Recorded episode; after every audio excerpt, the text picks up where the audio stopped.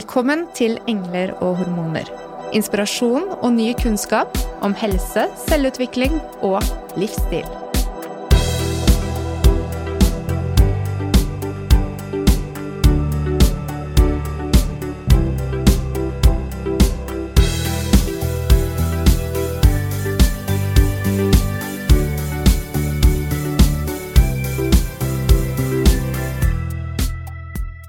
Kjære lytter. Tusen takk for at du har fulgt på oss gjennom en noe faglig sesong med et veldig stort fokus på dyktige forskere og kvinnehelse. I dag så vil vi gjerne dele noen tanker og erfaringer rundt kvinnekroppen i perioden rett etter fødsel. Hvorfor er dette viktig?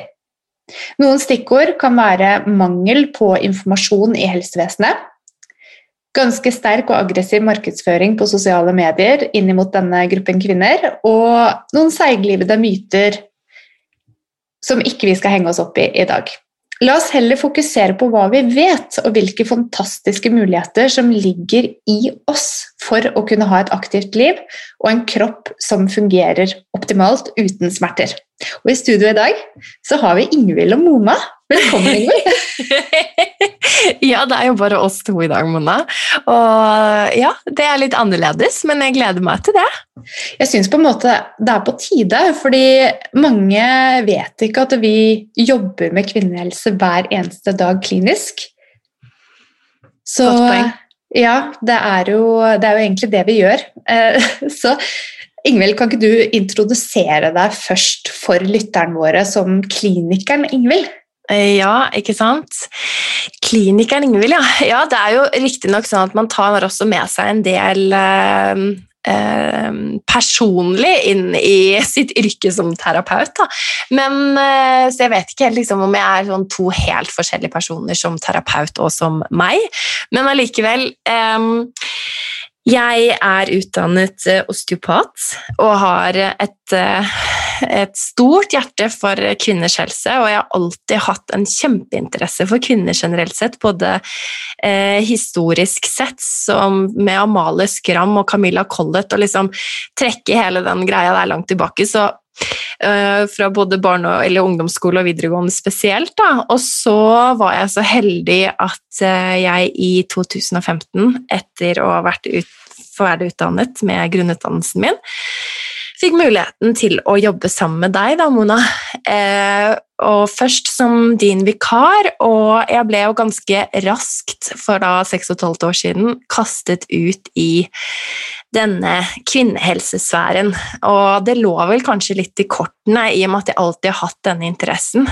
Um, og siden den gang så har jeg møtt eh, jeg, vet, jeg har ikke tall på hvor mange kvinner jeg har fulgt opp, eller hvor mange bekkenbunner jeg har sjekket, men allikevel så vekket det noe i meg. Um, jeg um, har tatt uh, utallige kurs og videreutdannelser innenfor temaet og har hatt en uh, kjempeglede av å jobbe tverrfaglig med gynekologer og med jordmor og fysioterapeuter osv. Eh, klinisk, sånn at jeg har kunnet hva skal man si angripe kvinnehelserelaterte plager og problematikk fra flere hold.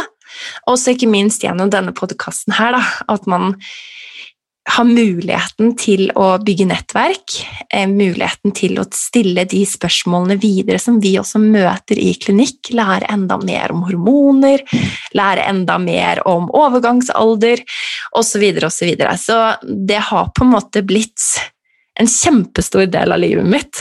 Jeg, jeg kan liksom ikke si, skille på en måte terapeuten Ingvild og, og, meg som person, fordi det går liksom så hånd i hånd, og jeg tror at mye av mye av um, det som vi gjør på klinikken, og sånn at liksom, det blir en livsstil, da. Og eh, vi er jo kanskje litt sånn feministisk også, Mona. Vi er jo, det, det gjennomsyrer på en måte hele livet vårt. Eller hva? Jo da. Jeg kjenner meg igjen i det. Ja. Lykken var på min side når du kom på um, klinikken, Ingvild. Og um, jeg har jo en bakgrunn som fysioterapeut også, og ikke vært så opptatt av um, kvinnehelse før jeg ble gravid selv i 2009. Jeg, før det så var jeg veldig opptatt av idrett og trening. og Ikke at det ikke er viktig nå, men jeg fikk en aha-opplevelse når jeg fikk oppleve disse endringene selv og forsto hvor lite vi lærte om det på grunnutdannelsen. Og interessen for å gå videreutdanning og kurs har jo vært um, en stor motivasjon siden den gang. Eh, og eh, da også å få lov til å ta ut erfaringene fra klinikk, men også alle spørsmålene man stiller seg i klinikk. Fordi, som du sa, Ingvild, vi jobber sammen med mange dyktige fagpersoner. Og ma mange av de samarbeidene har kommet til live i undrende samtaler der man er ydmyk og sier hva man lurer på, og mm. ber om svar og har en åpen dialog med hverandre for å hjelpe den pasienten som er da i sentrum. Og gjennom det å kunne løfte frem noen av de samtalene og spørsmålene i denne podkasten har vært helt fantastisk. Det har vært kjempefint. Mm. Du har jo en lang fartstid som eh, fysioterapeut og også osteopat, da, Mona. Og, og um, liksom, jeg tenker at uh, jeg ser jo altså, for, Det er veldig stort å ha Kari Bø inne i, inne i, studio, men det er også veldig stort å kunne få lov til å ta For meg, da, uten at dette skal bli en sånn roast uh, av noe slag. Men for meg så er det veldig, veldig Jeg føler meg veldig privilegert og veldig heldig som har muligheten til å jobbe såpass tett med deg, fordi du har en helt uh, eksepsjonell kompetanse, og du har også evnen til å se se ting fra uh, så mange forskjellige perspektiv. Da. Det tenker jeg er så viktig å huske på at når vi møter en kvinne, så møter vi henne med hele hennes historie og med alle hennes uh, kroppslige plager og hennes uh, ja, hva skal jeg si, mentale mønstre osv. osv. inne på klinikkrommet. Og den evnen til å kunne være undrende også i i samtale med kvinnene vi møter i klinikk, og på en måte stille spørsmål direkte til kvinnen, men også være litt sånn undrende selv, og, og, på en måte være åpen for at ok det, At man starter liksom en reise da, inne på klinikkrommet ved første samtale. Det er noe som er helt fantastisk i den muligheten til å ta en, en liten del av Eh, disse kvinnene sitt liv. Og i en så egentlig spesiell periode av livet. For vi snakker jo nå spesifikt om i akkurat denne episoden her om kvinner etter fødsel. Og som alle som har gått gravide eh, og fått barn og blitt en mamma, eh, vet jo hvor transformerende den reisen er. Og det er jo helt spesielt. Jeg husker du, Mona, har fortalt liksom eh, at liksom når du møter Ja, du hadde et møte eh, eh, med en kvinne som du hadde fulgt opp for mange år siden, og nå var eldste barnet blitt ganske voksen, eller et eller annet sånt noe, men det var liksom bare ja, noe som er så magisk i det, da. Ja. Og det også kanskje kunne følge kvinnen gjennom flere svangerskap og flere opptreninger etter fødsel osv. Så, videre. så får man et veldig spesielt forhold. Jeg syns det er um, Ja, det er noe som er veldig magisk i det. Ja. For å bruke et så klisjéaktig ord. Det er magisk. Um, tusen takk for det, Ingvild, for det var komplimentene der. Ja, det var det. Ja. Eh, du, vet du, det er magisk, og så er det uh, det er en liten balansegang her. Fordi Når vi skal inn i å snakke om kvinnen etter fødsel, så syns jeg det er viktig å anerkjenne både det historiske og kulturelle perspektivet på kvinnen, at vi har eh, hatt en annen type rolle i samfunnet opp til ganske nylig. Det interesserte lytter kan f.eks. bla tilbake til episoden med Cecilie Arentz Hansen. Eh, og det å løfte frem altså kvinners posisjon tilbake i tid, så kan man få en sånn lite flashback når man kommer til hvordan vi håndterer vanlige kvinnehelseplager etter fødsel. Eh, for det er jo en anerkjennelse at vi behandler ikke hjerteinfarkt eksempel, på den måten som vi gjorde det på 1940-tallet. Mm. Men når det gjelder kvinnehelse, så er det, det henger ganske mye gamle myter igjen. Og det er jo også viktig å se på kvinnen i dag. Kvinnen i dag skal være likestilt, skal ha et bærekraftig liv med god funksjon for å håndtere både rollen gjennom eh, det å være mor, men også det å være i en karriere, det å være i fysisk aktivitet, eh, som legger en veldig stor eh, hva jeg skal si, også kompleksitet på hva kroppene våre skal tåle, for å kunne være fullverdige medlemmer av samfunnet. Mm. Og så har vi kunnskap, og så har vi masse ytre trykk fra sosiale medier og samfunnet på å ha en suksess og leve opp til forventninger, både egne og andre sine. Eh, og samtidig så mangler vi bare egentlig noen sånn små eh, sjekkpunkt for å kunne optimalisere helsen etter fødsel. Og det handler jo ikke om å sykeliggjøre det, men det handler om å gi muligheter. Det handler mm. om å kunne løfte kvinnehelse til noe som ikke behøver å bli så komplekst at det ender med operasjon og månedsvis med plager, men eh, å gjøre små, enkle grep for å ja, nå raskere tilbake inn i denne fantastiske nye livsrollen. da. Ja, der sier du noe veldig viktig. Og det å liksom få den veiledningen og ha den kunnskapen og tryggheten i seg selv, sånn at man kan ha muligheten til å oppleve den mestringen det er i å kjenne på en progresjon, eh, at kroppen henter seg inn igjen, at man har muligheten til å være med på, med på ting uten å, å oppleve plager. Um, og også være i i takt med sin egen kropp og være i takt med sin egen mentale eh, status. Ja. Og ikke måte, skyve den bort på noe vis, men, men på en måte anerkjenne de endringene som har vært, og liksom omfavne dem. Og, og, og ha kunnskapen til å vite hvordan man skal Hvordan man kan på best mulig måte, som du sier, liksom optimalisere. Så det er jo litt av ja, unnskyld. og det er jo litt av målet også med denne episoden her spesifikt i dag, fordi vi har spilt inn episoder tidligere i høst som har hatt veldig stort faglig fokus, vært spilt inn på engelsk og har kanskje hatt en del terminologi som for noen kan være eh, vanskelig, da. Hva betyr terminologi? Faguttrykk, for eksempel, ja. ikke sant? Ja. Som, som, kan være vanskelig å, å forstå. Så La oss se for oss at en kvinne får vite hva som har skjedd med kroppen, får vite hvilke muligheter den har eh, til å gjøre valg, som f.eks. undersøkelse for å få klare svar, og klare behandlingsplaner når de trenger det. Og så at vi kan heie på kvinner som er fysisk aktive, fordi det er så utrolig bra å være fysisk aktiv, og så er det da en forskjell på å eh, være det uten å lytte til kroppen.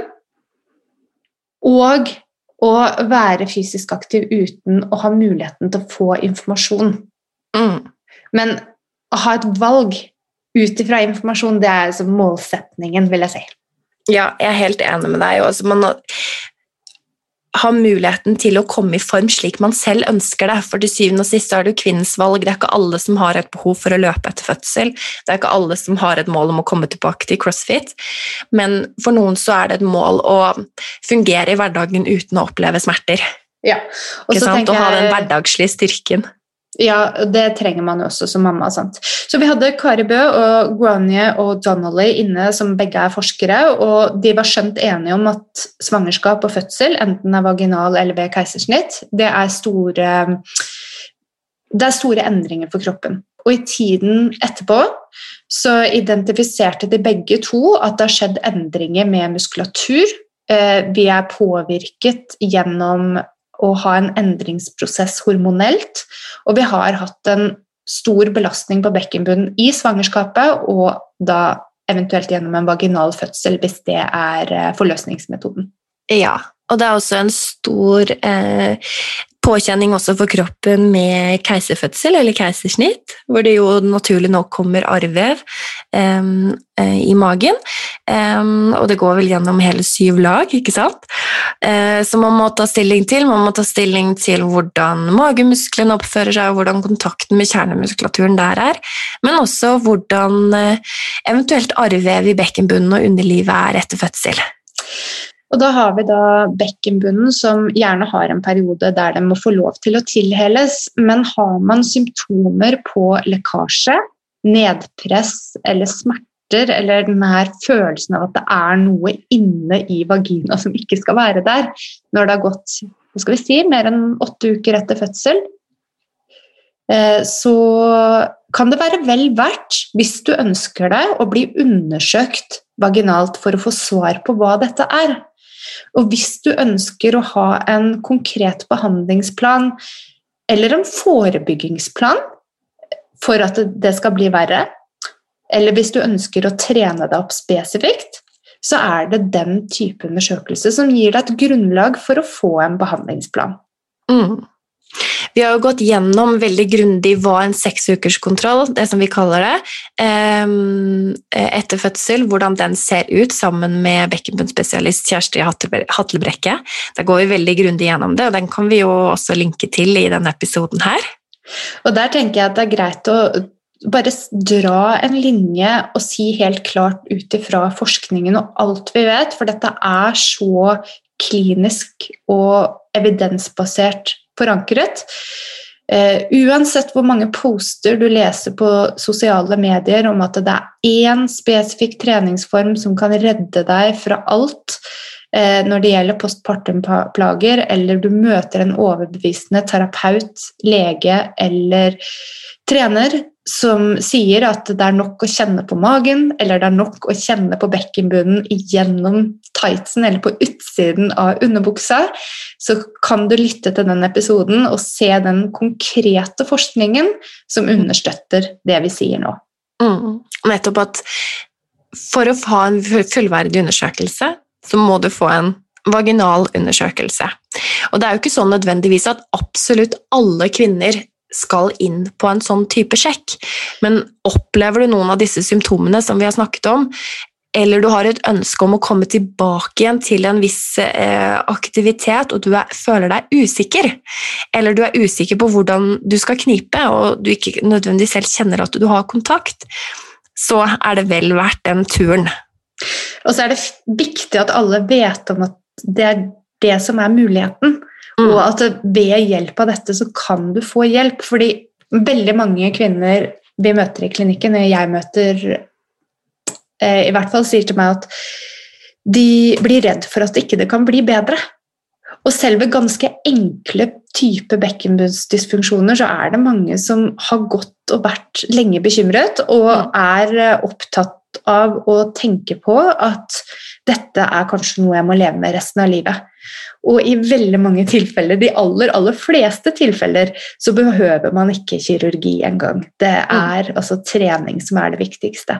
Og det er ehm, Det er ehm, det kan virke nesten for enkelt til å være sant for mange, men jeg tror kanskje det er fordi bekkenbunnen er så skjult at, det, at man ikke helt uh, ja, klarer å ta kontakt med den kraften som er der da, når man er godt trent. Ja, det er akkurat mm. det. Det tror jeg også. Så er det viktig å poengtere også at, at dersom du ikke opplever noe kontakt ved knip, så finnes det hjelpemidler der ute. Og det finnes også eh, hjelpemidler som man kan benytte seg av f.eks. ved urinlekkasje, eh, som en passiv støtte til urinrøret, sånn at du ikke opplever disse lekkasjene idet du er i en opptreningsfase. Nemlig. Og det kan du få gratis ved eh, rekvisisjon via helseforetak, som eh, ulike fysioterapeuter og andre terapeuter med fokus på kvinnehelse kan rekvirere. Og også f.eks. en kontinensbue eller det som heter efemia, som er en type liksom, silikonpropp som du fører inn vaginalt, kan du få på blå resept hos legen din. Mm. og det koster ingenting, det er vel verdt å prøve det. Det er veldig få Ingen bivirkninger knyttet til det heller. Um, og så er det også sånn at man uh, har uh, en liste over behandlere som kan hjelpe deg med dette, som vi legger ved i episodebeskrivelsen.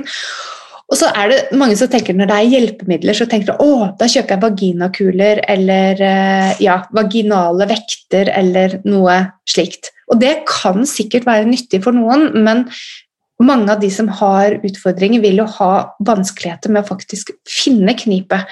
Og da snakker vi om en type hjelpemidler som hjelper deg til å finne knipet, enten ved elektrisk stimulering eller biofeedback, og det er et helt annet apparat som behandleren din hjelper deg med. Ja, og så man kan stille inn også tilpasset spesielt til deg. Ja. Som du f.eks. i begynnelsen av et behandlingsforløp har behov for å trene opp uh, utholdenheten i bekkenbunnen din, så kan man gjøre det. Trenger du å jobbe mer med eksplosive knipet, og du er på en måte kommet lenger i behandlings, um, behandlingsforløpet ditt, og du skal returnere mer til løping f.eks., så kan man liksom ha den planen, og man kan tilpasse også um, ja, eh, disse apparatene ut fra hvor du er. Ja, for Det er viktig å understreke at nå snakker vi om den helt basic kontakten, men de aller fleste vil jo komme tilbake til en fysisk aktivitet. Og da er jo den veien fra den grunnleggende treningen til den fysiske aktiviteten akkurat det vi snakket med Grania om. Eh, hva kan man gjøre for å mestre alle kravene til løping, og ikke bare fokusere på bekkenbunn, selv om det er viktig, men også nettopp å styrke resten av kroppen. Mm. Ha nok styrke i leggene, i lårene, i hofte og eh, støttemuskulatur til, til bekken og korsrygg for å nettopp tåle den belastningen det er, og f.eks. løpe, slik at du kan unngå belastningsskader. Og det er ganske basic, egentlig, og det sier på mange måter eh, seg selv at man må starte gradvis. Eh, for mange så har jeg også inntrykk av at det å ikke bare måtte gjøre disse knipeøvelsene, men å kunne supplere også med andre, f.eks. lett tåhev eller andre øvelser for å styrke muskulaturen i assosierte muskelgrupper, at det kan være med på å gjøre treningen i seg selv mer meningsfull, at det oppleves mer som en, en, en treningstime, da, eller en Ikke sant? Fremfor bare liksom rehabilitering. Det gir mening, fordi vi ville ha gjort det med enhver annen endringsprosess eller skade i kroppen. Og nettopp det å kunne jobbe frem imot et konkret mål på en spesifikk måte, det kan man definitivt også gjøre etter fødsel. Og det er veldig, veldig gøy å jobbe på denne måten, faktisk. Mm. Mm. Det som også er viktig før vi starter eh, med den spesifikke treningen opp imot en eller annen eh, ønsket aktivitet som man ønsker å komme tilbake til, så er det viktig å ha en viss oversikt over får du i deg nok næring, Sover du nok? Um, hvordan er din mentale status? Føler du at du er på overskuddssiden til at du egentlig i det hele tatt har mulighet til å ta tak i de tingene og prioritere de akkurat nå? Sånn at ikke de øvelsene du får hos en fysioterapeut eller en osteopat med fokus på kvinnehelse, at det bare blir en sånn enda en ting å ha dårlig samvittighet for. Mm -hmm. Fordi man egentlig ikke helt har kapasitet til det. Og så er det da det med kapasitetene også avhengig av søvn, ernæring, og det er mentale aspekter ved trening også, som Granny påpekte. Ja, trening er positivt for vår mentale status, men bruker du trening som en coping mechanism, altså en måte å håndtere hverdagen på som grenser over mot usunn, der du ikke lytter til kroppen, men du pusher mer enn det du er klar for, da kan det tippe over og bli noe som ikke er så positivt for helsen din. Mm. For vi ønsker jo også, Det som er kjempeviktig, er at du opplever en mestring hele veien, sånn at det blir en positiv opplevelse, fremfor at du går på akkord med din egen fysiske helse, og da vil du på et eller annet tidspunkt eh, møte en skade eller en eller annen dupp. Og det finnes jo ikke noe mer demotiverende enn akkurat det. Nei. Men lytt til kroppen, tør å utfordre deg, men har du plager, så sørg for å bli undersøkt der plagene er, slik at du kan få en spesifikk plan for at du skal bli bedre. Ja. Delte magemuskler, Ingvild. Jepp. Yes. Det er skummelt. Jeg skal ærlig innrømme at jeg sikkert har vært med på å spre litt frykt, hvis du spør eh, Ingvild, eh, eh, osteopat og nysgjerrig på kvinnehelse for syv år siden, og etter de kursene jeg hadde tatt da. Men det er ikke så veldig skummelt. Ikke nå lenger? Ikke nå lenger. Og det er en helt naturlig fysiologisk prosess. 100 av alle gravide i uke 36 av svangerskapet har delte magemuskler. Det er en nødvendighet for å skape plass og rom til babyen i magen. Um, og også 30% av alle kvinner har fortsatt en deling etter ett år. Det er ikke nødvendigvis et mål i seg selv at eh, denne avstanden skal eh, gå helt tilbake igjen. Det vet vi ikke heller om den nødvendigvis gjør, eller kan gjøre hos alle. Eh, og det er mange faktorer her som spiller inn. Um, Rektusdiastase det er jo da eh, en, en, strekk på bindevevstrukturen, linea alba, mellom de rette magemusklene våre, eller rectus abdominis, som skjer da helt naturlig. Og så kan vi måle det etter fødsel, men kanskje det som er mest interessant, er jo å spørre om man har funksjon, fordi det er um, mye mer forskning nå enn det det var for noen år tilbake, når vi var mer skal vi si, tilbakeholdne, kanskje litt mer redde for å gjøre skade når vi rådet kvinnene til å trene etter fødsel. Nå er det gjort en del forskning som viser at uh, det ikke er um, farlig å trene. Mm. Eh, men vi vet ikke helt hva vi skal gjøre for å trene de sammen. Og vi ser jo i praksis at disse delingene er ganske ulike. De er um, ulike typer øvelser som kvinnene mestrer å gjøre med god kontakt og kontroll. Eh, men vi anbefaler jo å trene seg sterkere med kontakt og kontroll. Mm. Så det betyr jo at vi gjør jo ikke en øvelse vi ikke klarer å gjennomføre. Vi prøver å finne en øvelse som man kan gjennomføre, men som utfordrer og gjør deg sterkere. Nemlig. Du skal jo kjenne at du har muligheten til å ha en progresjon, og at du skal kjenne at du blir sterkere det vi er opptatt av, og som man har å forholde seg til foreløpig, det er at man ikke skal ha denne domingen eller denne pyramideformen eller søkk inn i magen når du gjør visse, eh, visse øvelser, nettopp fordi at eh, Eller gjør øvelser generelt. Nettopp fordi at du skal kunne klare eh, å opprettholde Kall det liksom en, en tensjon, da, eller en, en viss kontakt med, eh, med, magemusklene dine og med bekkenbunnen osv. Eh, i en øvelse, sånn at det, det abdominelle trykket, eller buktrykket ditt, kan holdes stabilt. Dersom du ikke klarer å aktivere muskulaturen på en hensiktsmessig måte, så vil du se det som en pyramide. Og det er ikke alltid så lett å se selv om man har denne pyramiden eller denne, dette hullet i magen ved visse øvelser. Så om du har en treningsvenninne eller en treningspartner eller en fysioterapeut, så kan man måtte vise, og så kan man se ok, opplever jeg det nå. Kommer den fram? For med en gang du må på en måte løfte opp hodet ditt og se, så kan det være at det gjør en såpass på en måte stor endring i hvordan du aktiverer muskulaturen at det ikke nødvendigvis er det som speiler seg når du gjør øvelsene ellers. Så er det forskjell fra posisjon til posisjon, og så er det også noen som har en stor deling som oppleves som problematisk, eller navlebrokk f.eks., som får en vurdering hos lege, og som kan være indisert for at man skal ha operasjon.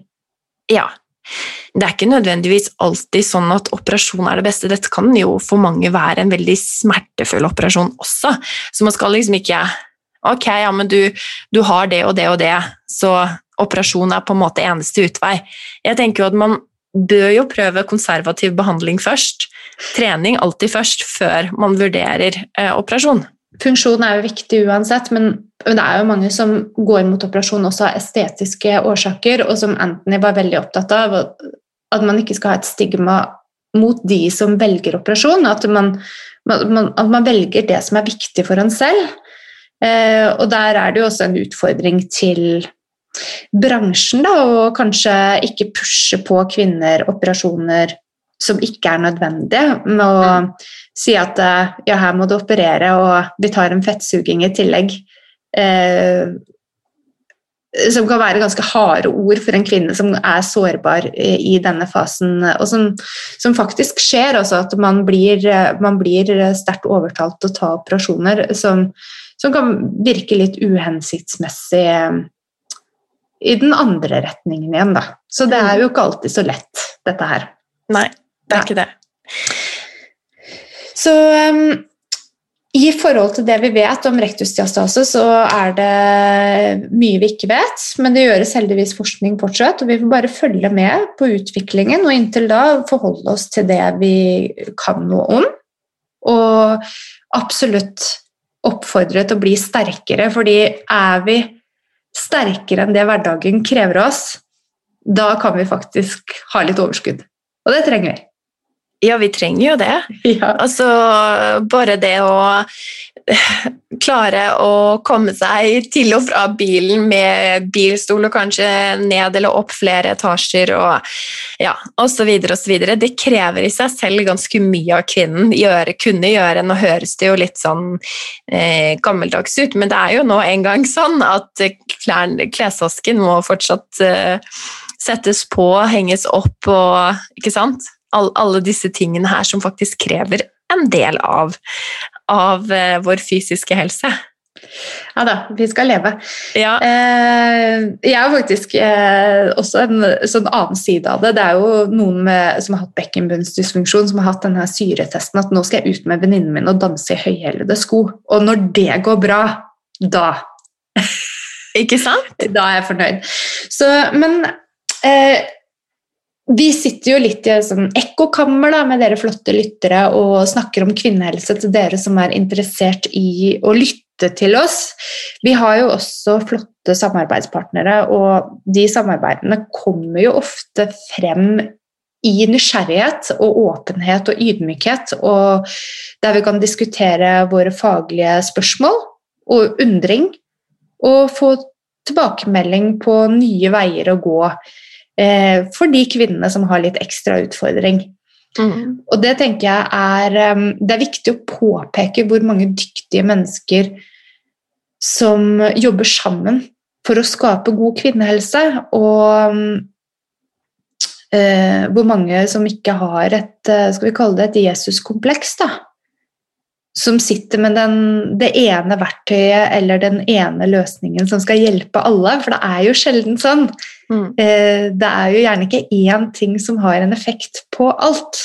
Og vi skal fortsette å være åpne for å lytte til andre og lære enda mer, og det gleder jeg meg til.